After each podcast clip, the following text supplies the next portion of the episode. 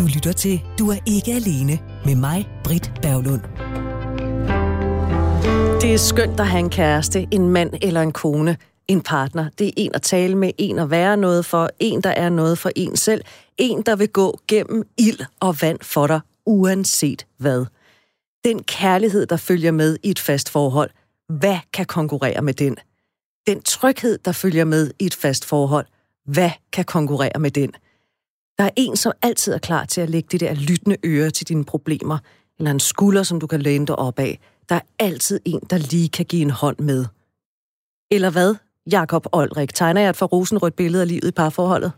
Du tegner i hvert fald det billede, som øh, nok de fleste ønsker så det var, men det er jo ikke, det er jo noget fint. det, det, det lyder flot, det lyder smukt, og violinerne de spiller, og fuglene de kvider.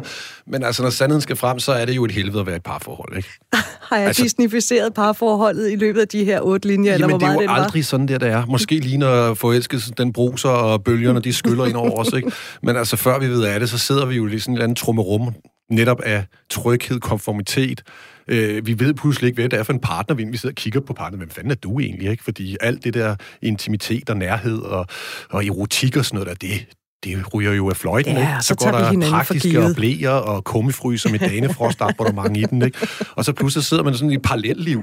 Altså, så hele den der romantisering af parforholdet som sådan en lyksalig institution, der skal få kærligheden til at blomstre, den, altså, hvor er det, den er henne? Altså, findes der nogle parforhold, hvor du tænker, jeg vil virkelig gerne være den ene part i det der parforhold? Ej, det, ej, de siger sind, det må være fedt. Altså, det er der jo ikke. Altså. Jo, sådan et, sådan et par havde jeg rent faktisk i ja, min omgangskreds. Lige præcis, det gjorde de faktisk. I dag, der skal vi tale om det frie liv, som man har som single. Nogle singler har selvfølgelig børn, som man skal tage hensyn til. Men som udgangspunkt, så skal man jo kun, når man er single, tage hensyn til en i sit liv, og det er til sig selv. Vi siger hurra for det frie liv, eller det skal vi altså tale om i dag.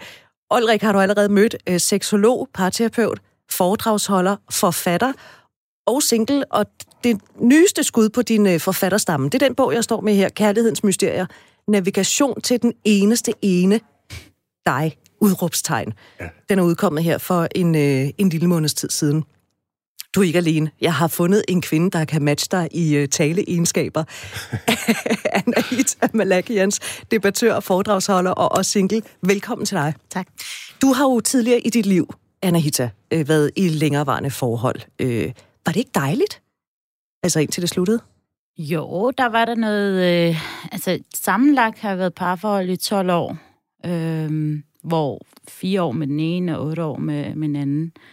Øhm, og vi har egentlig skiltet som venner, og der har ikke rigtig været det der, men som, som Oliver jeg siger, altså det, det sluttede netop, det der kærligheden sluttede, den der øh, passionen og kæresteriet og forelskelsen, og, øhm, og blev meget sådan konformitet og grå hverdag, og man hentede børn og småt madpakker, så skulle der vaskes op, så skulle der det. Er det ikke bare altså, livsvilkår? Jo, jo, det er det da også. Øh, man skal jo så også finde ud af, er det det, man vil? Altså, for mit vedkommende var det faktisk ikke det, jeg ville i et for- forhold.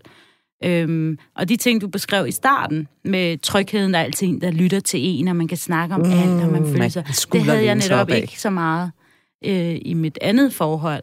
Øh, men hvor jeg til gengæld havde friheden til at gøre lige, hvad jeg havde lyst til, sådan øh, karrieremæssigt eller arbejdsmæssigt osv., så, så, så der var jo både den konformitet, og så var der friheden til at, at gøre, men der var ikke den der intimitet på samme måde, som, som du beskrev sådan lidt rosenrødt, ikke? Nå, det synes så, du alligevel. så, så det er også det, hvad man kan leve med. Hvis man synes, den der grå hverdag er fedt, altså at man ikke skal tænke over så meget, så, så, så kunne jeg godt forestille mig, at det er meget fedt at være et parforhold. Mm. Jakob Olrik, du, du sidder og ser sådan lidt... Øh, der sker noget med din nøgenbryn, de går lidt op og ned, og så rynker du lidt panden og sådan noget. Jeg kan ikke lige finde ud af, hvor du er henne. Men, men, men gråt, er det nogensinde fedt med gråt? Mm, det, det, det vil jeg kalde livsvilkår. Nogle gange så er det jo gråvejr, nogle gange regner nogle gange skinner solen. Øhm, jeg, jeg sad bare og tænkte på det der, du sagde med, med, med at hvis, hvis der er børn involveret, så er det lidt en anden noget andet. Jamen, jeg mener, så, så er der jo nogen at tage hensyn til. Ja, ja. Altså, det er jo ikke, fordi man er single, er jo ikke ens betydende med, at man er egoist og ikke tager hensyn til andre. Det er jo selvfølgelig, det er sådan en, måske lidt en, en underlig indstilling, der sådan er, at hvis man vælger det frie singleliv, så er man også sådan en brutalos, der vader der ud af uden hensyn til andre. Altså, det, og det går altid ud over børnene og så videre. Altså, det frie singleliv kan jo sagtens indbefatte et meget nært og øh, vigtigt forhold til sine børn. Jeg oplevede det i hvert fald øh, for mit eget vedkommende, at da jeg skulle være alene med min datter, da hun var lille der, og passe hende hver anden uge, at der kom der jo lige pludselig en helt anden form for tilstedevær og nærvær for mit vedkommende. Øh, og det tror jeg faktisk, at mange børn kan drage glæde af, at de får et meget, meget mere personligt og nært forhold til de forældre, i stedet for at de lever i den der kæmpe familie, hvor man drukner lidt i alle mulige andre ting, og gøremål og skemaer og gat skemaer med, hvornår familien skal hvad og så videre. Altså, hvornår er det, man egentlig bare har tid til at sætte sig ned og, og tale ganske langsomt og øh, ærligt sammen. Og det, mm. det, det er der jo faktisk mulighed for. Jeg synes faktisk, at der er en kæmpe celebration. Jeg er glad for, at jeg er blevet taget ind til et program, hvor vi skal tale om øh, det frie og, og faktisk lyksaligheden i singlelivet. Fordi jeg tænker, at det er fuldstændig undervurderet, og det er, jeg er meget træt af den parforholdstyranni, der findes. Altså, den der idé om en enestående kærlighed, der bare sådan er den rigtige, en statisk situation, som der bund og grund ikke nogen, der øh, ønsker at leve i, når det kommer til stykket. Men grunden til, at jeg siger det her med børn og Jacob Oldrik, det er jo fordi, at, at jeg tænker, mm, når jeg tænker det frie singleliv, så betyder det jo, at jeg kan gøre, hvad jeg vil, når jeg vil det. Øh, jeg kan jeg kan skride afsted på ferie, hvis det er det, jeg har lyst til, uden at skulle tænke på, at børnene også skal tages ud af skolen, eller de skal også have lektier med, eller alt muligt. Du er sådan jeg kan... ansvarsløs, ikke? Et eller andet sted. Du har kun ansvar for dig selv. Ja, det er faktisk... Ja, tak. Ja. Det er faktisk det, at jeg mente. Jamen, der synes jeg bare, at vi venter om, fordi at øh, den der netop ansvarsløshed, den synes jeg faktisk lige præcis er den, der blomstrer og gror så effektivt i parforholdet, fordi vi netop ikke tager ansvar for vores egen glæde i livet. Vi går måske mere op i at please alle andre, eller få, få en eller anden ramme til at fungere uden stillingtagen til, hvad der i bund og grund er væsentligt for os. Altså, og hvis vi bliver med børn, så har børn jo, de vil jo helst bare gerne være sammen med deres forældre, og de vil allerhelst have nogle glade og sunde og øh, tilstedeværende forældre. Og det er jo lige præcis det, der er muligheden for Altså, når man er single, så er man jo faktisk et menneske, der netop skal tage ansvar for sin egen glæde. Man kan ikke skubbe den over på en partner, eller på mm. et realkreditlån, eller et eller andet andet, vel? Altså, man er faktisk nødsaget til selv at gøre det. Og det gør jo også, at singler på den måde er mere udviklingsorienteret. Jo, men man kan jo også lidt mere af min påstand. Man kan også lidt mere have hovedet under armen, fordi det er jo kun mig, det går ud over. Altså, hvis jeg vælger at opsige mit job, fordi, åh, det gider jeg ikke lave mere, så er det jo kun mig, det går ud over. Forstår du, hvad jeg mener? Du kigger mm. simpelthen så Jo, jo, men hvis du render rundt med et arbejde, du ikke kan lide, som nedslider dig psykisk belastende eller stressende for dig, og så tror du, at det, at det er at tage ansvar for dine børn, det er jo noget fis. Fordi så kommer du hjem, og så er du et kvart menneske. Altså, så siger du hellere det job op, og så gå lidt på A-kasse, eller øh, hulte dig lidt frem. Altså, det er, der, det er der netop til stedværelsen, det handler om, og der ikke, ikke at efterleve en eller anden idé om, hvad tryghed er. Altså, vi er sgu så trygge her i Danmark. Kan vi ikke godt slippe lidt det der, de der redningsvester der og airbags i kærlighedslivet i hvert fald. Mm. Anahita? Jamen, jeg, jeg er enig. Jeg synes, at det, der går galt et eller andet sted også, om man er alene, eller om man er parforhold, det er det der med, at man tror, at man ikke har ret til at, at prioritere sig selv først. Altså, når folk, de altid har spurgt mig, når efter jeg fik børn, hvis de sagde, beskriv dig selv, hvem er du? Så har rigtig, rigtig mange kvinder tendens til at sige, jeg er mor, og så har jeg et eller andet form for arbejde, og så er det, og så er en kæreste, og så videre, ikke? Hvor, hvor jeg har det sådan lidt, jamen, jeg har ikke, ja, jeg er mor, men den aller, aller første i rækken, den første prioritet, det er mig. Det er Anahita. Og så er det alle de andre ting, der kommer først. Og hvis Anahita ikke er glad, om det så er parforholdet, i jobbet, eller i hvilken som helst anden regi, jamen, hvordan kan jeg så være glad, øh, når jeg er sammen med mine børn? Hvordan kan jeg være glad, når jeg er sammen med min partner?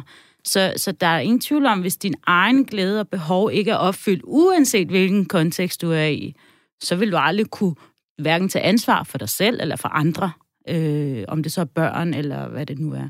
Og, og jeg er fuld, altså, den største, og det kan godt lyde hårdt også at sige sådan, og jeg tror meget enig med Jacob, den største glæde er faktisk lidt at være deleforældre, øh, fordi det er det bedste af alle Jamen, du, du får faktisk muligheden for at have den der uge, hvor du siger ansvarsløs, hvor du ligesom kan prioritere dig selv endnu højere. Men så får du ligesom ladet op, og du er glad, og du er fyldt, til at give den energi fra dig til dine børn, når du så har den, så er du der 100% frem for at være sådan 50% hver dag, fordi du er nødt til at give dig selv til alt mulige forskellige ting. Og det er ikke, fordi jeg siger, at det er det bedste for børn at leve del for, men hvis, hvis man faktisk har et rigtig godt forhold til sin eks, og hvis man får det til at fungere, hvis man har samarbejder, alle de her ting, så får børnene faktisk ikke de der skilsmisseskader øh, øh så, eller traumatiske øh, oplevelser, som man umiddelbart tror, øh, der kommer ved at være skilt. Ikke? Øh, mine børn, ja, de har, altså, jeg savner dem ikke, når de ikke er hos mig, og de savner i hvert fald heller ikke mig, når de, er, når, når de ikke er hos mig. det, er, altså, det var den mindste gør lige nu, men det er bare et spørgsmål om tid, til hun finder ud af, at det er meget sjovere at være et andet sted. Ikke? Så, så jeg tror, det, det er faktisk en meget sund ting, fordi det, det, at du heller ikke savner dine børn, eller de ikke savner dig, betyder faktisk, at de har trygheden. De har trygheden om, at du er der uanset hvad. Du forlader dem ikke. Du er ikke væk, bare fordi vi ikke er sammen 24 timer. Så, så jeg tror egentlig, at mine børn er meget mere robuste i forhold til deres fødselsliv, fordi de ved, at jeg ikke behov for at savne mor, fordi hun er der jo lige om lidt hvis det er, jeg har lyst til eller hvis jeg ringer til hende. Det er ikke mange forældre, jeg møder, der kan sige sådan med helt fuldstændig straight face, jeg savner ikke mine børn. Ja. Altså, fordi det er sådan lidt altså det er lidt forventet, flere, at, man, man at man savner af sine børn, ikke? fordi ja. det er jo ikke noget, vi taler om. Det bliver hurtigt sådan lidt, hmm. åh mm. oh, nej, fordi så er jeg jo en dårlig forælder, så jeg elsker jo stadig mm. mine børn, det er jo ikke det, ja. og sådan noget. Men, Men det... man skal også kigge på savn. Jeg tror, at, at folk oplever eller tror, at savn nødvendigvis er en positiv ting. Men savn kan lige så godt være en negativ ting. Det kan lige så godt være en følelse i dig selv om utryghed og usikkerhed, eller du er usikker på, at din partner egentlig tager sig godt nok af dine børn, og du går og bekymrer dig. Altså savn kan jo opstå bekymring. Og den har jeg ikke. Altså, jeg har ikke det, den bekymring, og jeg, det er derfor, jeg ikke savner dem, for jeg ved, de er trygge, mm. uanset hvor de er henne. Og det samme ved de også i form, at de ved udmærket, hvis jeg har brug for mor, så er hun der. Jeg har ikke behov for at savne hende, øh, fordi jeg er jo tryg hos min far. Jakob Oldrik, det her Anahita siger med, øh, den der kommer i første række, ja, det kan godt være, at jeg er mor, men det er mig, der kommer i første række. Mm. Det er vel i virkeligheden også noget af det, du skriver om i din bog her, ikke? når du har en undertitel, der hedder Navigation til den eneste ene, dig. Mm. Er vi for dårlige til at anerkende, at øh, der er altså noget, og nu hiver jeg den der åndssvage kliché frem, jeg ved det godt, men vi, vi sidder oppe i flyet, ikke, og maskerne falder ned, og så skal man huske at tage sin egen på, før man ligesom hjælper andre. Mm. Er vi for dårlige til at huske det i dagligdagen? Det er øh, helt sikkert, i hvert fald når vi taler om øh, udlevelse af vores kærlighedsliv, så har vi sådan en tendens, der er selvfølgelig lidt, øh, jeg vil sige, der er lidt forskellige øh, øh tegn henholdsvis hos mænd og kvinder. Og hvor kvinder, de har øh, en tendens til at sætte sig i 3. 5. position. Ikke? Der kommer manden, børnene, rengøringen og alt muligt andet, før end man egentlig har en udlevelse af sig selv. Og, øh, og det er jo en gammel, gammel måde, som har været en, en, en smart system, vi har haft, ikke? at mændene kunne rende rundt og lave øh, arbejdet og, og, og skyde en hjort og komme hjem, mens kvinderne holdt i gang i ildstedet. Ikke? Men det er altså en virkelig gammel fortælling. Og i dag har vi det jo heldigvis øh, så mange andre muligheder for at udforske det menneske, menneske, vi nu engang er. Vi er jo ikke født som noget. Der er jo ingen af os, der er født som noget som helst. Vel? Det er noget, vi bliver igennem livet ved at undersøge og være nysgerrige på, hvem vi er og hvad vi interesserer os for, og engagere os i den verden, vi er omkring os. Og det giver øh, det, der hedder et jeg at jeg gør noget. Og i det omfang, at vi bygger det op igennem livet, jamen så får vi jo også et stort saftigt jeg, der kan gå ud og møde andre jeger. Gør vi det ikke, jamen så bliver de fællesskaber, altså parforholdet, vi træder ind i, nogle svage fællesskaber. Fordi det er nogle svage jeger, der skal finde sammen, fordi de ikke kan stå alene. Åh oh, ja, det, det lyder ikke særlig rart. Nej, og det er derfor, det er så vigtigt. Altså faktisk burde det lidt være sådan en værnepligt, at alle skulle være singler. Man skulle have simpelthen en, en periode i livet, hvor man på den måde øh, lærte at stå ved sig selv, stå med sig selv, være ja. sig selv. Ja. Du har jo også været i længerevarende forhold. Øh, du nyder, du stornyder dit singleliv, Jakob Oldrik. Hvad er det, der er så attraktivt ved det singleliv? Jamen, det er jo, at jeg, øh, jeg er jeg, ikke? Altså, der er nogle mennesker, de er et vi, ikke? Og så, de, så kan de leve i vierne, det er jo også fint. Men jeg er et jeg. Og jeg kan godt lide at møde andre jeger, og for den sags skyld også møde nogle vier, jeg kan øh, momentvis være sammen med. Men jeg er først og fremmest øh, mig. Og, øh, og det der kan jeg ikke gå på kompromis med. Altså, og det er jo ikke ens betydende med, at jeg går på kompromis med kærlighed. Jeg går øh, en anden vej, og jeg ser øh, kærligheden som en langt mere abstrakt størrelse end det der statiske billede, som er øh, tyranniseret igennem tiderne, øh, både mænd og kvinder. Ikke? Altså, øh, jeg ønsker ikke at, at, at være en del i det rollespil. Jeg ønsker ikke at sidde der og stagnere i, øh, i et trist forhold og kigge på min partner i sofaen, hvor fjederne er helt ned i, i kælderen. Vel? Jeg ønsker at være et menneske, der er i live og vågen og udvikler mig, Øh, og det kræver, at jeg tager ansvar for mit jeg, og mm. ikke at henslinger mig til i, i, i uansvarlighed til et vi. Kan du genkende det, Anahita? Ja. Jeg og ikke lade sig henslinge i et vi, og kigge på den der anden person i sofaen, hvor man tager sig i et svært øjeblik, man tænker, hvad fanden laver jeg her? Mm-hmm. Ja. Altså, altså jeg, jeg, jeg tror også, at øh, jeg, jeg er jo enig, og jeg kan sådan set godt se, at det er, det er fedt at have jeget og, og være i det der friliv, men der er jo også noget fedt i, at, at to jeger kan udvikle sig sammen. Problemet er så oftest, at det muligvis til det sådan asymmetrisk forhold, hvor det ene jeg er lidt stærkere end det andet jeg, og så er det, at problemerne opstår. Ikke? Så er det, at man projekterer sin usikkerhed, eller sin utryghed, eller alle de her ting over på den anden part, for ligesom at få boostet sig selv i sit jeg. Øh, og det er der, jeg synes, parforholdsproblemet opstår. At det bliver øh, usundt. Der bliver usundt, og man netop forfalder, og man, man, man giver sådan set også lidt slip på, på sig selv, og man giver slip på kampen om at beholde og bibevare sig selv. Du kan godt gå ind i et forhold og have det der stærke jeg, og så vide, jeg ved præcis, hvad jeg vil have, jeg ved præcis, hvordan det skal foregå, og du skal ikke komme og sige sådan og sådan til mig. Men, men på et eller andet tidspunkt, så bliver trygheden, eller illusionen om trygheden, om konformiteten, og måske øh, lysten til ikke at skændes hele tiden, øh, om et eller andet småting. Det overdøver, at du faktisk står ved den der første person, du var. Og det er ikke, fordi jeg siger, nu har jeg jo selv nogle, nogle personlige øh, forholds, øh, parforholdsproblemer, men, men der, det behøver ikke engang at være så gralt, for at det går så galt. Det kan også bare være de der små situationer, som man gør, at man langsomt mister sig selv og det der jeg, og bare flyder hen i det der vi, og en dag vågner op og tænker, hvor er jeg henne nu? Mm. Og det var egentlig det, jeg rigtig godt kunne lide med mit sidste forhold, det var, at mit jeg fik faktisk lov til at udvikle sig. Til gengæld blev hvid mindre og mindre. Og det var jo så det andet problem, ikke? Ja. Øh, hvor, hvor man så vokser fra hinanden og finder ud af, at gud, vi var egentlig ikke der, hvor øh, vi er ikke der, hvor vi var i starten, hvor det var det der vi. Så, så det er en kæmpe mm. balancegang. Og for mig, jeg ved ikke, om du er bange for at miste det der jeg, ved at gå ind i et forhold. Ja, men det, det men... har jeg helt sikkert nogle øh, psykologiske issues med, som øh, Freud kunne fortælle en masse om. Altså, det, det, har, det har jeg helt sikkert.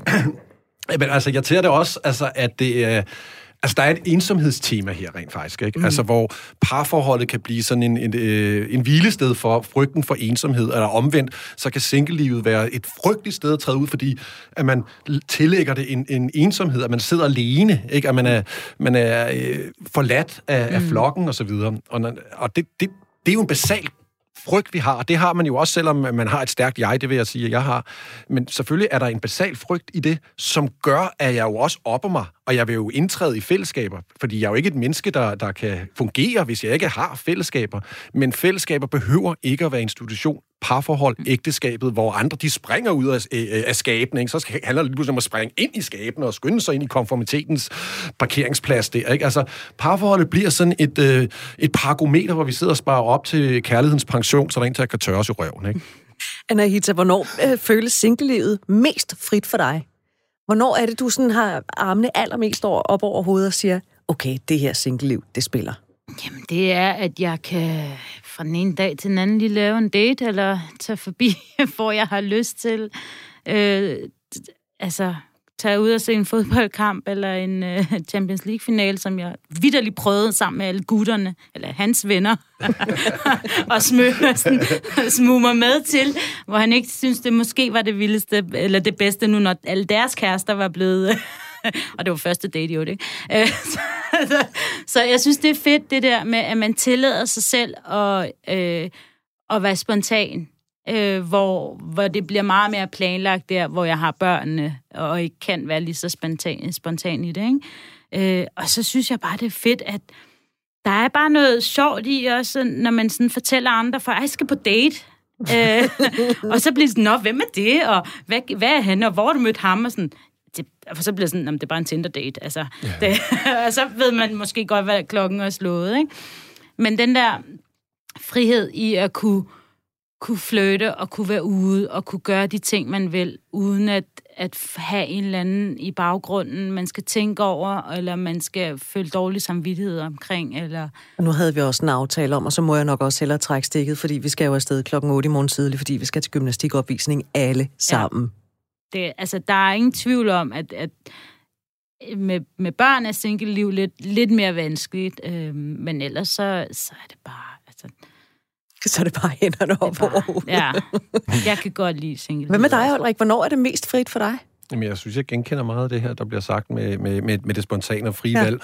Men jeg tænker også et andet sted, hvor jeg synes, der er en, en, en kæmpe fordel. Det er jo netop der, hvor man kan sige fra. Ikke? Altså, hvor man faktisk siger, nej, ved du hvad, jeg melder altså lige fra til den der middag, eller det her, det, jeg, jeg har egentlig brug for bare at være alene nu. Ja. Ikke? Altså, at, altså, alt det, man kan sige nej til, altså, det, det er jo fantastisk. Og det er du er god jo, til at praktisere det?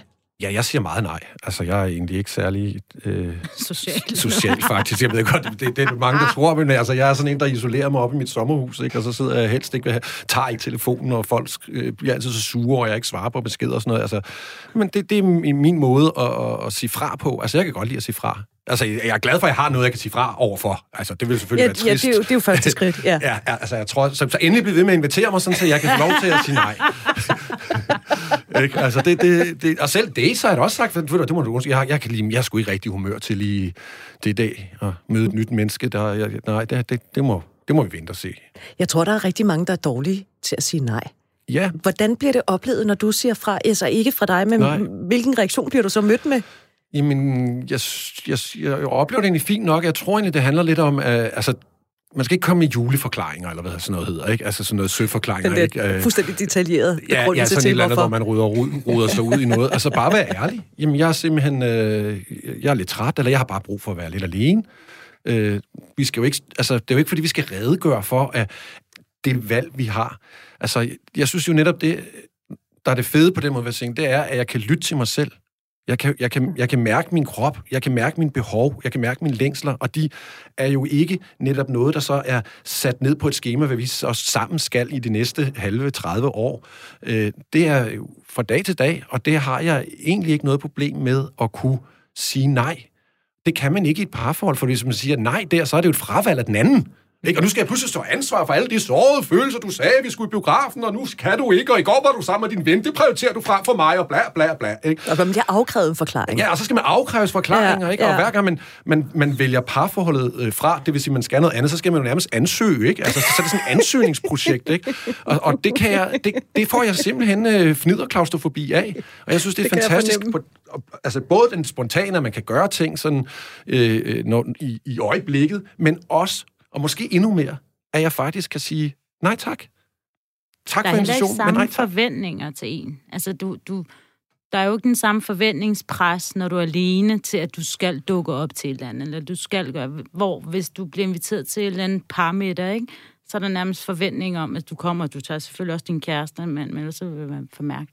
Altså, så, så hele forventningspresset er bare mindre, når mm. du er single. Du har ikke... Øh, også du, det kan man jo også mærke, når man er i parforhold, det er netop, at man har enormt mange forventninger, som også er usagt øh, til, sin, til sin partner, øh, som, hvor, hvor det bliver rigtig svært at sige nej, ikke? Man har måske en forventning, at vi skal hjem og sove i aften, hvor man tænker, jeg kan fandme godt være alene i aften, ikke? Og bare sidde der og puffe cigaretter og se Netflix, ikke? Men hvor, han, hvor de så insisterer på, at vi skal være sammen, og tænker, ej, jeg magter det næsten, ikke? Men man tør jo ikke at sige det, fordi så skal man igennem en lang proces med, hvorfor er det, jeg egentlig har behov for lige at være alene den her dag. Ja. Og hvis man så samtidig har det der asymmetriske forhold, så, øh, jamen, så gør man jo nærmest psykisk skade på sin modpart ved at fravælge deres, deres skrøbelige jeg i, i den her situation. Ikke? Mm. Altså, de det fleste, gør man helst ikke. De fleste, der har været i, i et par forhold, ved, at den slags kan gå op og ned. Der er gode tider, der er dårlige tider. Øh, og bliver I det samme med single-livet? Der er gode tider, og så er der knap så gode tider. I single-livet? Ja, selvfølgelig. Altså, Altså, sådan, man er jo bare... Jeg kan jo, jeg kan jo godt blive enormt træt af mit eget selskab, for eksempel. Jeg kan ikke vælge mig selv fra. Jeg kan jo ikke sige Nej. til mig selv, i dag gider jeg ikke at være sammen med mig. nej. Øh, og Så det, drikker dig stiv, så, kan du, så, så får du sådan en, en beroliget, øh, eller en, en forskudt oplevelse af dig selv. det er simpelthen et godt tip, jeg vil tage med mig til dagen og vejen. men, men det er jo det der Hvis med... du så er stiv hver dag, så kan det godt være, at du skulle opsøge en psykolog. Altså. Nå, det mener du alligevel. men går det op og ned i single-livet, som det gør i et parforhold? I- Det gør alle. Altså, sådan er humør, følelser. Og, Men sidder du ikke altså, nogle gange, Jacob Bold, med sådan en... Åh, altså det kan man jo godt i parforhold, ikke? Altså, du er lige inde på den, jeg gad fandme godt at være alene, det vil virkelig være dejligt. Mm. Kan man ikke sidde som single og tænke, at jeg gad virkelig, virkelig godt at have en kæreste den næste halve år? Nej. Nej. Nej, jeg kan godt have den. Altså, selvfølgelig kan Ja, jeg da ja. godt have en moment, moment, små øjeblik, hvor man tænker, ah, det kunne da være dig. Men nej, egentlig ikke, fordi ved du hvad, der er... Altså, hvis det handler om at have en at sidde og øh, glo Netflix med, altså, dem er der så øh, 6.000 venner, man kunne gøre det med, ikke? Altså, øh, handler det om, at man skal sidde og nusse og også have noget erotik, dem er der også 6.000 af, ikke? Altså, der er jo, hvis vi korter ned, hvad er det egentlig for et lille behov, jeg sidder og har i, i, i øjeblikket, øh, så, så, så, så nej, så, den, så, så vil det være en meget stor pris at betale øh, for, for det lille behov, der egentlig er. Mm. Øh, jeg elsker mit eget selskab. Altså, jeg synes, det er genialt at være sammen med mig. Men du bliver aldrig træt af dig selv. Jeg bliver mest træt af mig selv, når jeg er sammen med andre. Ikke? Fordi der kan jeg have en tendens til at, være, at komme til at træde nogle over tæerne, fordi jeg har store fødder og sådan noget. Ikke? Og, eller, eller fylde lidt for meget, eller nogen, der bliver ked af det. Sådan noget. Og så kan jeg godt blive lidt træt af mig selv, fordi det er jeg ikke. Jeg er ikke på en mission, på, der hedder at sove andre mennesker. Men når jeg er, er, er alene, så øh, kan jeg love dig for, at det er en fest at være sammen med mig, du. Altså, det er, der, jeg, jeg, jeg kender ikke noget menneske, der er bedre at være sammen med. Hvor er det godt. Altså, jeg synes, jeg synes det der, hvor det kan være mest træls at være alene, det er det der, hvor du har, føler dig sårbar. Altså den der magtesløshed eller sårbarhed, eller du er blevet udsat for et eller andet, som gør... Jeg har jo haft en, et par shitstorme, øh, mens jeg har været single. Og, og når man sidder i de der øjeblikke, så, så vil man gerne have, at der faktisk var en. Den der skulder at læne sig op af, der lige hjalp en. Der er det ikke nok, at man bare kan nus med en eller anden, eller man bare lige kan sidde med nogle venner og se Netflix. Der har man brug for, at der er faktisk en, man ligesom... Det der med at kunne krænke sin inderste lidt ud. Øh, og så kan man have nogle bedste veninder eller bedste venner, man kan gøre det med. Det er bare ikke det samme, vel? De, de, der er heller ikke den der... Hvorfor er det ikke det samme? Fordi for mig er det en, en kombination af, at når du er sårbar og intim, altså, den der intimitet, der også ofte opstår efter sådan en sårbarhedsperiode, at det, og det er min person, mm. det hænger meget godt sammen. Mm. Jeg kan ikke sidde med en veninde og sidde og krænge mit hjerte ud, så bagefter begynder vi at kysse og have sex, vel? Altså, det, det, hvis, det, hvis det er sådan, jeg har brug for ligesom at fylde et Ja. eller andet op. Øh, og det, så, så personligt, så er det der, hvor jeg ja. mangler et eller andet, hvor, hvor jeg føler, at den anden person øh, har en, en, en virkelig gennemgående forståelse for, hvem man er som person, fordi man, har, man deler altså bare nogle andre hemmeligheder eller nogle øh, sådan intime ting med, med den her partner, end man gør med alle mulige andre mennesker.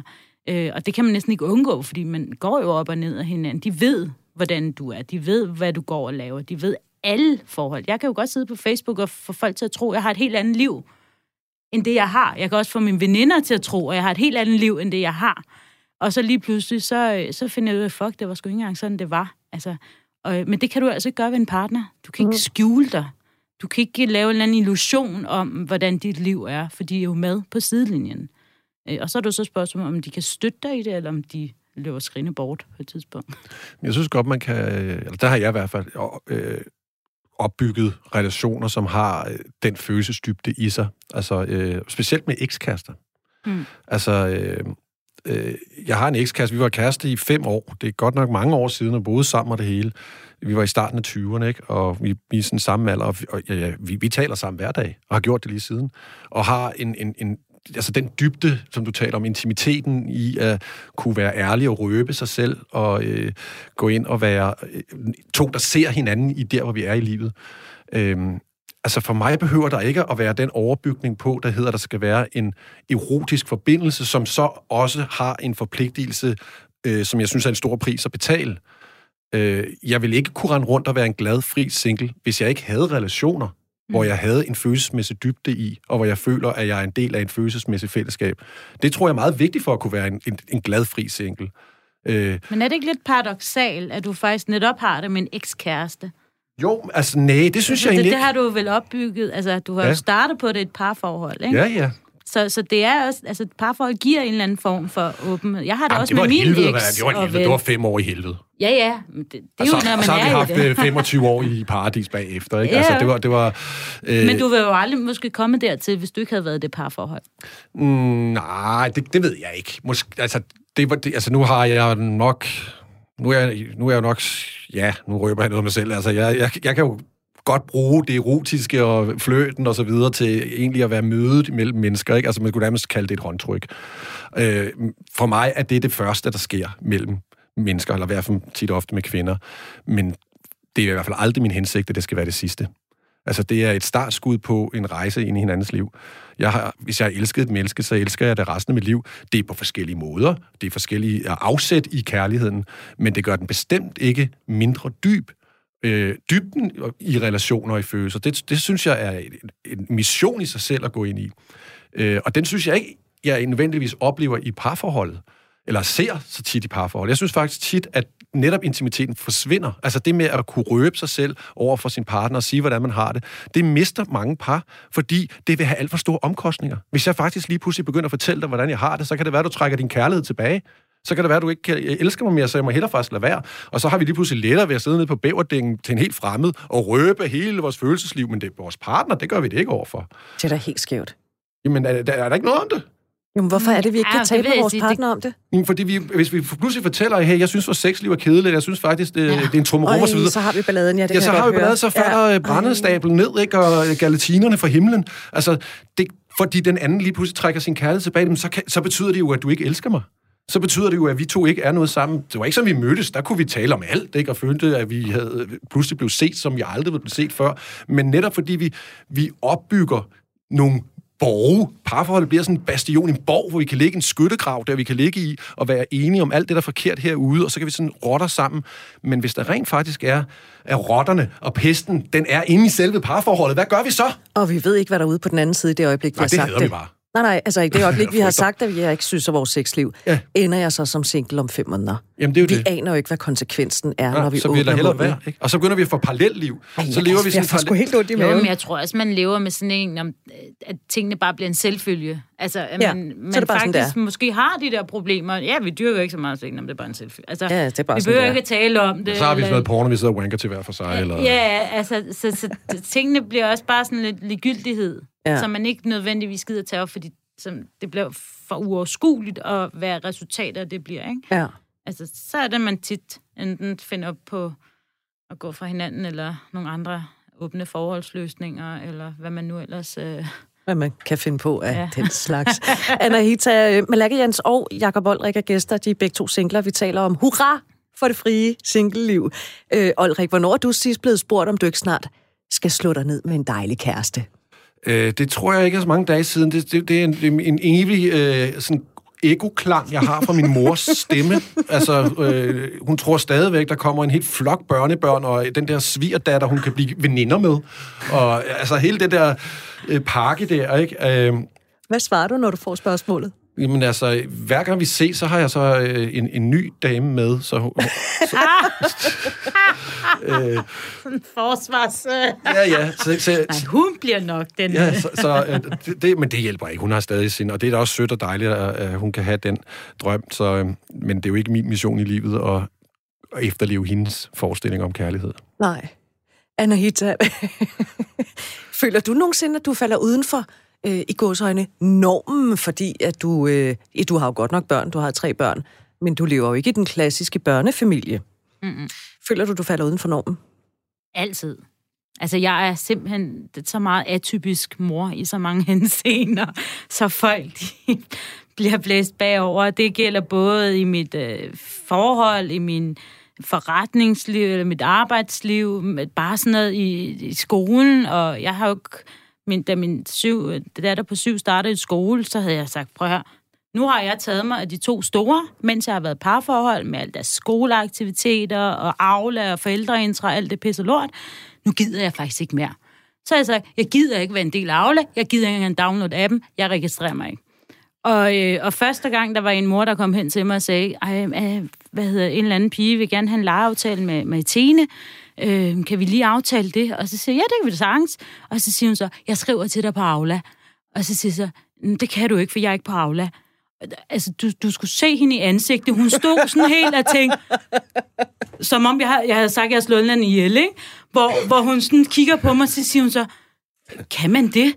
Så siger jeg, ja, det er faktisk ikke lovpligtigt at være på Aula. Det står ikke i en eller anden lov om folkeskolen. Og hun var sådan helt... Hun skrev aldrig til mig. Så, jeg tænkte, du kan skrive en sms. Mit nummer står derinde, trods alt. Ikke? Hun skrev aldrig til mig. Men, men den der hele forventning om, både hvordan jeg skal være single, både hvordan jeg skal være i parforhold, hvis jeg er der, og, og hvordan jeg skal være mor, den, den lever aldrig nogensinde op til på alle mulige måder.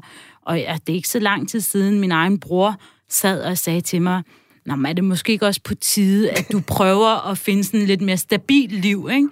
Hvor jeg sådan tænker, det er jo fandme det, jeg prøver hele tiden. Jeg er det ikke godt, for jeg rammer ind i forskellige situationer, som gør, at jeg ikke... Men jeg er, altså, jeg er meget spontan og meget risikofyldt person, så, så jeg tror, det er meget atypisk for kvinder, og jeg er meget bekymringsløs person også. Øhm, så, så, jeg, så, så jeg gør sådan set, hvad jeg har lyst til her nu, fordi det gør mig glad, og når jeg ved, når jeg er glad, så er mine børn glade, og når mine børn er glade, så er jeg glad igen. så det er sådan en fin cirkel af glade mennesker, ikke? Øhm, men men jeg, jeg kommer aldrig til at være den der typiske, øh, hverken kæreste eller, eller mor. Øh, jeg, det, og, mit, og folk har jo også, nu har jeg jo lige kommet ud af et parforhold, hvor hvor de fleste ville tænke, nu skal du have ro til at finde dig selv, lige tænke over, hvad det er, du vil, og du skal, du skal ligesom øh, finde dig selv igen, og restituere, og alt det her, og, øh, og hele. Og, og, og, Og, og, og hvad jeg, gjorde jeg du? bliver altid sådan lidt hele. Altså, ja, selvfølgelig er jeg såret, der er rigtig, sket rigtig mange ting, øhm, men hvorfor er det, vi skal leve efter en norm, at det er forkert at hele ved at være sammen med andre, eller være, finde en ny? Ja. Og altså, nogle af mine øh, veninder siger jo altid, at den bedste måde at komme over en og lægge under en ny, ikke? Så, så, så, og jeg synes et eller andet sted, den, øh, den der norm, der er med, at fordi man lige pludselig bliver single, så skal man først finde sig selv, før man kan gå ud og finde en ny. Som om, og jeg har altså ikke haft noget problem med mit jeg. Jeg ved godt, hvem jeg er, både før og efter parforholdet. Det kan godt være, at efter parforholdet, mit jeg er blevet slået lidt til plukfisk i, i et eller andet regi, men den, den, de grundlæggende principper om, hvem jeg er, har jeg stadigvæk i mig. Så dem har jeg ikke behov for at genopfinde. Mm. Øh, fordi der er en, der har udnyttet den på et eller andet tidspunkt. Det er meget sjovt, du siger det der med, at der er sådan, altså normen er, så skal man ud, og så skal man slikke sårene, og man skal ja. Ja. jo vente måske et år, før man kaster sig ind i et Det nyt parforhold. uge? Og så, stå, og så står vi alle sammen med store øjne og kigger på de der mænd, der kommer ud af parforhold, og inden for måske en måned, så har de fundet en ny, og vi tænker, ej, det er også synd for, at man aldrig nogensinde finder sig selv. Ja. Hvad siger du til det, Jacob Jeg Woldrik? aldrig have elsket den, de var sammen med, Præcis. som om det, det skal vare tre år Det er jo efter fedt. Det er dem, der, jeg kalder dem faderne, ikke? Faderne? Ja, det er dem, de fader ud og fader op. Ikke? De, de, de, sådan, de, fader, de fader hele tiden i livet. Ikke? Øh, og så er sekvens i, i forholdene bliver så også rent mindre og mindre. Hvis vi starter med en 10-årig, så er det en 8-årig næste gang, og så 5 år, og så kører det sådan altså i fadningen der. Ikke? Jeg tænker, at det, der er det væsentlige her, det er, at vi skal stoppe med at forstå det at være single som sådan en slags pausetilstand. Vi skal ikke forstå det som sådan en imellem, jeg er imellem forhold. Ikke? Altså, det er ikke sådan en arbejdsløshedssituation, øh, du er i. Øh, fordi det gør jo omvendt også, at der er en forståelse af en bestemt form for rigtig kærlighed. Og alt det andet, det er noget, der jo enten er på vej, eller du var lidt ulykkelig eller uheldig, og nu må du hellere til at komme videre osv. Øh, man kan kigge på en single og tænke, ej, det er da fint, du lever det frie liv der, og kaster dig rundt i høstakken og sutter, sutter på alle græsstrå. Men lov mig, at du kommer ind i et forhold, inden det er for sent. Ikke? Altså, det er sådan lidt en gængs øh, idé om parforholdet, som nærmest sådan en, eller hvad hedder det, singlelivet, som sådan en lidt, lidt skadelig situation, ikke? Og der kunne den single jo lige så vel sige til det her parforholdsmenneske, der så siger det, jamen ved du hvad, det vil jeg gerne love dig. Og tak, fordi du øh, tænker på mig. ikke ligesom dig. Men vil du så ikke love mig, at du træder ud af dit forhold, inden at du bliver visner og bliver sådan en sarkofag af dig selv, ikke? Kan vi ikke lave den aftale, at det gør du, så lover jeg, at jeg ikke drukner i hedonistisk single-liv. Men det, en ting er, at omverdenen måske ser på en, som om ens single-liv er en pausetilstand. Ved du hvad, Ulrik, det kan jeg sgu også selv som single. Jeg kan da godt se, at lige nu, Jamen, så er mit liv sat lidt på pause, fordi at... Øh... Hvorfor? Ja, og det er et utroligt godt kritisk spørgsmål, du stiller der, som jeg simpelthen ikke har noget svar på. og det bringer os faktisk videre til det næste, fordi det er ret tydeligt, at både du og Anahita i landet på øh, et eller andet tidspunkt, der er I landet rigtig godt på begge fødder i det der single-liv. Det er konformt, det er dejligt, det er lækkert. I har ikke noget behov for umiddelbart at træde ud af den status, det er at være single. Kan I ikke lige komme med nogle gode råd? Altså, hvordan, hvordan lander man der og fokuserer på det, man har, i stedet for at fokusere på det, man ikke har, hvad jo er ret typisk, når jeg har jo heller ikke nogen kæreste. Så må jeg jo nok heller finde en kæreste. Mm. Jeg tror, en rigtig god dag, det er i den der længsel, der kan være som single, som, og der er med fuld respekt for, for alle de singler, der måske synes, det er svært at være single.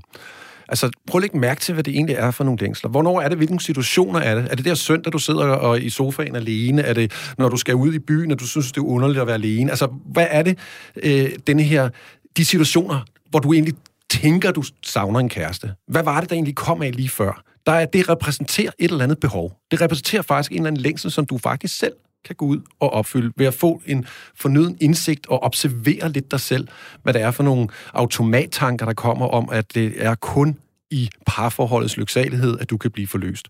Der ligger et behov, som du selv kan gå ud og opfylde meget nemmere, og det er højst synligt alt for stor en pris at betale, hvis du går ud og, og, og, og bruger parforholdet det. Det handler jo om, at vi bliver nødt til at elske faktisk det at være single, før vi træder ind i et forhold. For hvis vi ikke gør det, så risikerer vi med stor sandsynlighed at forelske os mere i ikke at være single, end den person, vi faktisk står overfor. Elsker du at være single, Anahita? Jeg elsker ikke nødvendigvis at være single, men det er heller ikke, fordi jeg hader det. Altså, jeg tror faktisk, jeg er meget enig i det der, men jeg tror også, at man, man bliver nødt til at være, øh, være, kunne være i det. Og, og ligesom Præcis. lade være med at tænke over, hvad kunne være bedre, eller jeg kunne også godt tænke mig det. Altså, jeg tror, sådan set, jeg har da også gået i mit single og tænkt, om det kunne da også være meget hyggeligt at komme i et forhold. Og så er det netop, man tænker, hvad er det, hvad er det egentlig, jeg gerne vil have ud af et forhold? Øh, og så dumper man lige pludselig ind i et, og så finder man ud af, det var i hvert fald ikke det, jeg ville have, vel? Øh, men men ja, der, hvor man lander med begge ben, jeg tror, en af de vigtigste ting for mig har været fordomsfri, og lade være med at lytte til, hvad andre tror, øh, du skal være, når du er single. At single-liv også, som det sagt, ikke er et springbræt til næste forhold, men faktisk er et livstilstand, som du kommer til at være i, som du skal lære at leve i. Og det er ikke et spørgsmål om, som det er ikke en arbejdsløshedstilstand, hvor du ligesom skal videre til næste arbejde. Det er faktisk, at du er på det ene tidspunkt i det her job, og så er du faktisk bare et andet job, hvor du skal være en anden form for rolle. Og så er du et tredje job, hvor du så skal være en tredje rolle. Så man, man skal finde den, den rolle, man ligesom kan være i, i det single-liv. Og hvis den rolle hedder, jeg knæver alt, hvad der ligger øh, og kommer forbi min vej, øh, fordi det har jeg da godt med, jamen så er det det, du gør. Og hvis du har sådan, at jeg vil godt lige reservere og lade være med at kysse for mange frøer, inden øh, måske den rigtige dukker op, jamen så er det den vej. Eller som sidst jeg snakkede med en 20-årig, så jeg har givet op på kærligheden, jeg vil ikke mere. Hvis det kommer, hvis det kommer så kommer det, siger det han så. Sødt. Så siger jeg så, jamen, jeg tror nok, du skal finde en kærlighed, siger jeg så, dem du er 20 år, der er lige nogle år endnu, ikke? Øhm, hvor han siger, ja, jamen, han gider ikke gå efter den mere. Så siger, så siger han, nej, men, men, men hvis man vil, hvis nu, så siger han, vil du aldrig nogensinde have en kæreste? Så siger han, jo, det vil jeg da gerne. Så siger han, men når man, hvis man gerne vil noget, så er man jo nødt til også at ligesom sætte sig selv derud. Altså, du er nødt til at være på, være til sociale sammenkomster, finde, være i en eller anden social relation, så du netop møder nogle mennesker. Øhm, hvor han siger, ja, ja, jamen, det har han også tænkt sig. Altså, han har tænkt sig at være sammen med sine venner, og gå ud og feste, og være der til diskoteker og diverse ting, men ikke med det øje for at finde en. Mm. Og hvis når personen så dukker op, så dukker de op. Og jeg tror faktisk, det er meget kendetegnende ved single-livet. Lad nu være med at gå og tænke over, at du skal finde en. Man skal jeg ikke forsere aldrig, det. Nej, jeg tror aldrig nogensinde, jeg har scoret en fyr, hvis jeg har gået i byen med tanker om, at jeg skal score en fyr. Det har altid været omvendt, hvor jeg går i byen og tænker, at jeg skal overhovedet ikke have noget som helst. Og så finder man en eller anden, ikke? Ja. Øh, så, så den der, når man forser det, øh, så tænker man og bekymrer sig også mere om, ej, jeg fik et afslag, og så bliver jeg alene. Ej, jeg fik et afslag med, ej, jeg blev alene. Øhm, Men er det, altså, nu har jeg jo tilbudt dig at gå ud og drikke rosé, så du, hvis du føler dig alene, Britt, så kommer Hva? du altid Den med. invitation fik du ikke, vil jeg bare sige. Nej, men altså, jeg vil da gerne invitere jer på en dobbeltdate, altså, så skal vi... Og det er sådan et tidspunkt, at jeg er frisk. altså, der, jeg kan godt underholde jer begge to, altså. Ja, det er Eller lade ikke, mig blive underholdt af jer. Det, det er, det, det, er, den er jeg da helt frisk slet på. ikke i tvivl om. Og det lugter næsten af en apropos, men nu skal vi tale om sex. Jeg ved godt, det ikke var det, du mente, Ulrik. Jeg synes bare, at den var lidt kick. Prøv, vi er nødt til lige at tale om sex, fordi det er jo en del af livet. Mm-hmm. Og selvom man er single, så behøver man jo ikke nødvendigvis lægge den del på hylden. Fordi, som du sagde, Anahita, hvis man har lyst til at knalde sig igennem alt, hvad der ligger på ens vej, så kan man jo frit gøre det. Der er ingen bånd, der binder os. Ulrik, hvor vigtigt er det sådan helt overordnet for os mennesker at have et sexliv? Single eller ej? Ja, altså have et sexliv, det har, vi- det har vi jo alle. Det kan så være forskellige frekvenser. Vi har jo forskellige libido, og vi har jo også forskellige øh, genre, kan vi kalde det, vi, vi, vi ligesom udlever os selv i. Øh, øh, øh, man kan jo spørge omvendt, hvad, hvad det vil sige at øh, have et dysfunktionelt øh, eller ikke-funktionelt øh, sexliv, jamen det er decideret skadeligt. Altså det er jo det, er i hvert fald over længere tid. Det, øh, der kan komme mange bivirkninger af det. Depression, øh, det kan være øh, uformåenhed det hele taget, eller opfarenhed, eller, altså, det er ikke godt for psyken. Altså, det er jo vores kemi og vores personlighed og humør og så videre bliver jo reguleret af kemier, og det er øh, sex en, en kæmpe, kæmpe øh, bidrager til, lige så vel som sund mad, søvn og gå på toilettet og have sex. Altså, det er sådan grundfundamentet øh, fundamentet for, at vi kan fungere som mennesker. Mm. At man føler sig også som et attraktivt menneske. Altså et menneske, der også har en seksualitet, der bliver spejlet i, i en eller anden form for fællesskab. Øh, det er også rigtig væsentligt for at kunne træde ud af ensomheden. Øh, bliver du bekymret, når jeg fortæller dig, at sidst jeg kunne sætte et hak i sengestolpen, det var i maj 2019? Du virker nu meget sprudlende, synes jeg. jeg altså, og, og sex kan man jo også synes, der er jo mange genrer af det. Men altså, jeg vil da anbefale dig, at du, øh, at du øh, kommer ud og får, får, får altså, lidt luftet dig lidt, ikke? Altså, det, for det er, det, er ikke, det er jo ikke farligt, vel? Altså, og det er jo sådan lidt det der med at, også som single, altså tåre kigge lidt op for indkøbsposen og flytte lidt og få lidt øjenkontakt, ikke? Og, altså, du skal jo ikke som kvinde nødvendigvis i, i, i, i seng med dem, du sådan kigger og smiler med. Altså, nødvendigvis i hvert fald. Kan Ikke? du altså, se, at jeg har røde kinder lige i øjeblikket? Ja, ja altså, altså, jeg tænker, det, det, vi har selvfølgelig også forskellige værdisættelse af sex. Ikke? Altså, nogle de ser det som en, en, den her øh, forbundet med en meget stor kærlighedserklæring, og som der kun er næsten før, eller i ægteskabet og så videre. Og, og det er jo en måde at værdisætte det på. Øh, jeg, jeg tænker det som en mere sådan en, en livskilde, altså lidt på, på, på linje med, øh, med, med mad og drikke og søvn og så videre. Altså det er et basalt behov, som der, der gør, at vi, at vi får et overskud til mange andre ting. Altså, og, og det beh- altså, man kan jo som single vælge at have elsker, eller els, en elsker, altså have en partner, man ligesom så udlever sig med. Man kan jo også som single vælge at sige, jeg tager det øh, turpasset til samtlige forlystelser i Tivoli, ikke? Og, og, og kaster sig rundt der. Øh, der er mange måder at gøre det på, og det, øh, rent faktisk, så, så er det jo et glimrende sted også at prøve sig selv af i nogle andre kalder vi det genre, ikke? Altså prøv sig selv af, også på det store øh, øh, etniske menukort, ikke? Altså hvorfor skal det kun lige være den en øh, blegfede mand der? Hvorfor kunne det ikke lige så godt være en fra Brasilien eller fra Ghana? Altså, altså prøv noget forskelligt af, prøv forskellige kulturer af, prøv forskellige måder at være seksuel på. Det kan være, det er meditationsseks, ikke? Eller det kan også være, det er sådan noget med at kravle rundt i en latex grisedragt på gulvet. Altså prøv sig selv af, for lige om lidt, så kommer du ind i et parforhold, ikke? Og så før du ved af det, så ligger du der og laver sådan en onsdagsruller, hvor man lige dunker tre gange og falder i søvn bagefter.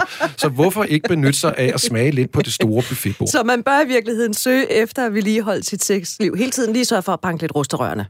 Ja, eller i hvert fald være Ja, hvis nysgerrig. man har behov for det. Altså, der er jo ikke hverken en nedre eller en øvre grænse for, Nej, nej, hvor meget hvis sex det- du må få Nej, nej, som hvis- single. det, det, det. Det er der, der er så nogen, der synes, der er åbenbart, i mit tilfælde. Der man må åbenbart kun en gang om ugen, øh, eller øh, en gang om måneden, Ja, fordi fordi så du- bliver det for mange, ikke? Altså, du, er jo, du har jo været mødt med lidt modstand fra nogle mennesker, fordi du for et par år siden, der gik du ud på Facebook, og så skrev du, at man som kvinde, der må man da have lige så mange sexpartnere, som man har lyst til, og så lavede du sådan en kamp. Og, og som, det som, med, som jeg det. bare siger, altså, jeg ser også sex som en, en basalt behov, som noget, man skal have, øh, ligesom man skal have mad og spise og drikke osv. Øhm, så, så for mig, hvis jeg ikke har en fast partner, og jeg har det her behov, det er jo ikke fordi, at, at jeg så skal undvære det.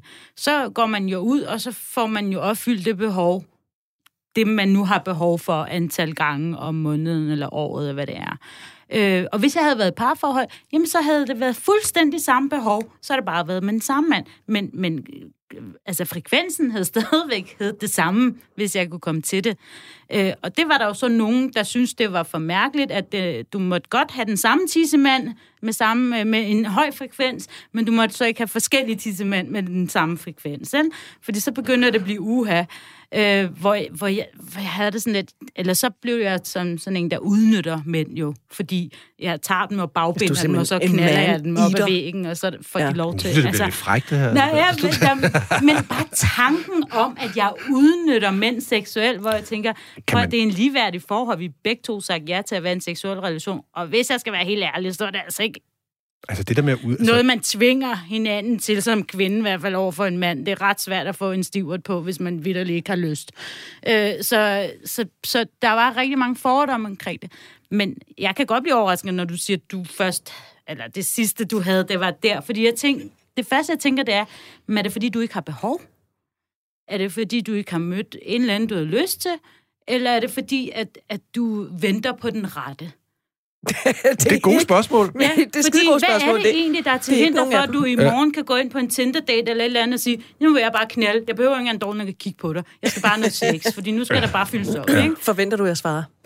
Ikke nødvendigt. men du... det er meget godt. Det ja. er meget rart. Vi kan ligesom overtage interviewet ja. her. Ikke? Altså, kan...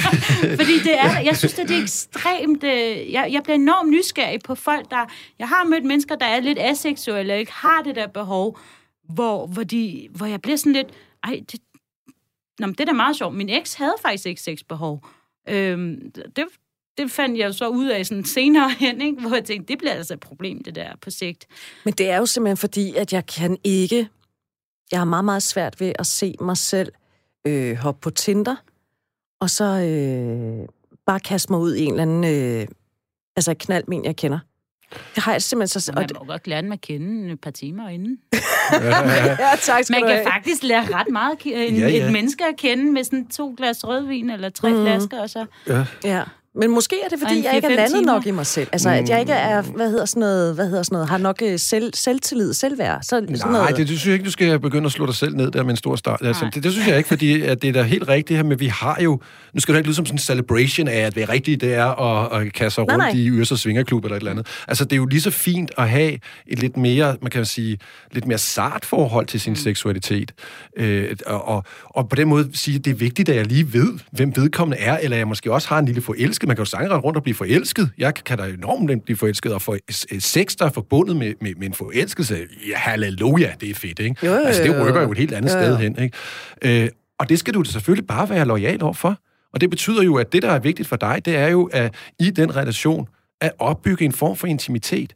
At opbygge en form for, hvor man møder hinanden, og vi faktisk lærer hinanden at kende. Og det er jo lige så meget, kan vi kalde en slags forlystelse i Tivoli. Så er det bare den, du går til. Du behøver ikke gå over til det gyldne tårl, eller det der Harrods Hall, eller et eller andet, vel? Altså, jeg Men jeg sidder også og tænker, at det må også være forbundet med en eller anden forventning. Single-karusellen der, ikke? Altså, den, det behøver du ikke hoppe på. Der er, der er, også, der er også den der, der, der er for babe, de, de små babe, du ved. Jamen, det er så slukker for dig. jamen, jamen, jeg, sidder, jeg sidder bare og tænker på, at det må også være forbundet med en eller anden du kan også skyde bjørn. forventning om, hvis, altså, fordi som siger, man kan jo godt opbygge en, en, en, en nu-tilstand, hvor man netop har en tæt relation, man nyder den her person at være sammen med, man har haft en, en dejlig aften, og nu må man gerne være rosus ham. Og så tænker man ikke nødvendigvis over, men vi skal også, hvordan går vi videre herfra? Skal vi ses igen? Skal det, er det måske fremtiden? Er det måske en kæreste? Og hvis man hele tiden går den der tankegang, mm. at jeg er single, jeg er nødt til at finde en, og når jeg finder en, så skal det bare være den rigtige, som jeg ved, jeg kan komme videre med derfra, fordi jeg kan næsten ikke komme videre til en ny en lige efter. Og hvis det er den tanke, man går, så kan jeg godt forstå, at det er svært det er meget at gå rigtigt. ud på det første date. Mm. Øh, hvorimod, jamen jeg havde en date sidste uge med en advokat, hvor jeg bagefter var sådan, nå, ringer han, ringer han ikke? Det ved jeg ikke who cares? Altså, et eller andet sted. det synes jeg er helt rigtigt. og, og, og, så skrev han alligevel til hende, det skulle da meget fedt. Nå, nu må vi se, mm. hvornår næste gang bliver, ikke? Ja. Øh, så, det er sådan en meget afslappet tilgang til det. Det Jamen. tror jeg, man netop skal have. Ja. Fordi, og jeg kan godt sidde her og spille smart og sige, at sådan, øh, ja, det kan jeg godt finde ud af. Kunne kan jeg det? Ej. Nogle gange kan jeg, og nogle gange så bliver jeg helt hysterisk stalkeragtig, ikke? Og, og det må man også gerne. Ja, det man skal bare være klar over, hvad fanden man laver. Ja og hvad det er, man vil have ja. i virkeligheden. Det skal man gøre Hvad klart. er det, hvor er Først og frygten for at møde det der menneske kommer fra? Ja. Er det fordi, man har en forventning om, at man bliver såret bagefter? Eller fordi man har en forventning om, du siger, at det lavt selvværd, men hvad kommer det af? Mm. Altså, hvis han siger ja til at gå ud med dig og sidde og spise med dig, og I også har, har sex, jamen, så er det jo fordi, han faktisk godt kan lide dig. Mm. Jeg synes et eller andet om det. Mm. Prøv at høre, venner. Der er gået 54 minutter. Og vi har fået arrangeret en date. og, og, og det der med, hvad, hvad var det, du kaldte det der? Det, det, det, det tænker jeg, det kommer... øh, Det bliver Er det en note, eller hvad? Ja, den, den, skal, den er lige nede i noterne, den der med, med, med, med lidt ydmygelse der, sådan der. Så vi kan lave sådan en date, hvor du så er den søde, altså englen, og så er du djævlen der, og, sådan, og så sidder jeg i midten. Der. Ja, hold kæft, en date, mand. Vi skal lige finde en dato. Den gode, ja, den det, onde. Den vender vi tilbage til, som man siger. Anahita Malakias debattør, foredragsholder og meget andet. Øh, Jakob Olrik, parterapeut, seksolog, øh, også foredragsholder og forfatter. Senest altså til Kærlighedens Mysterier, navigation til den eneste ene, nemlig dig. Tak fordi I ville komme. Det var simpelthen en udsøgt fornøjelse. Selv tak. Selv tak. Programmet er produceret af Pibesovs Productions for Radio 4.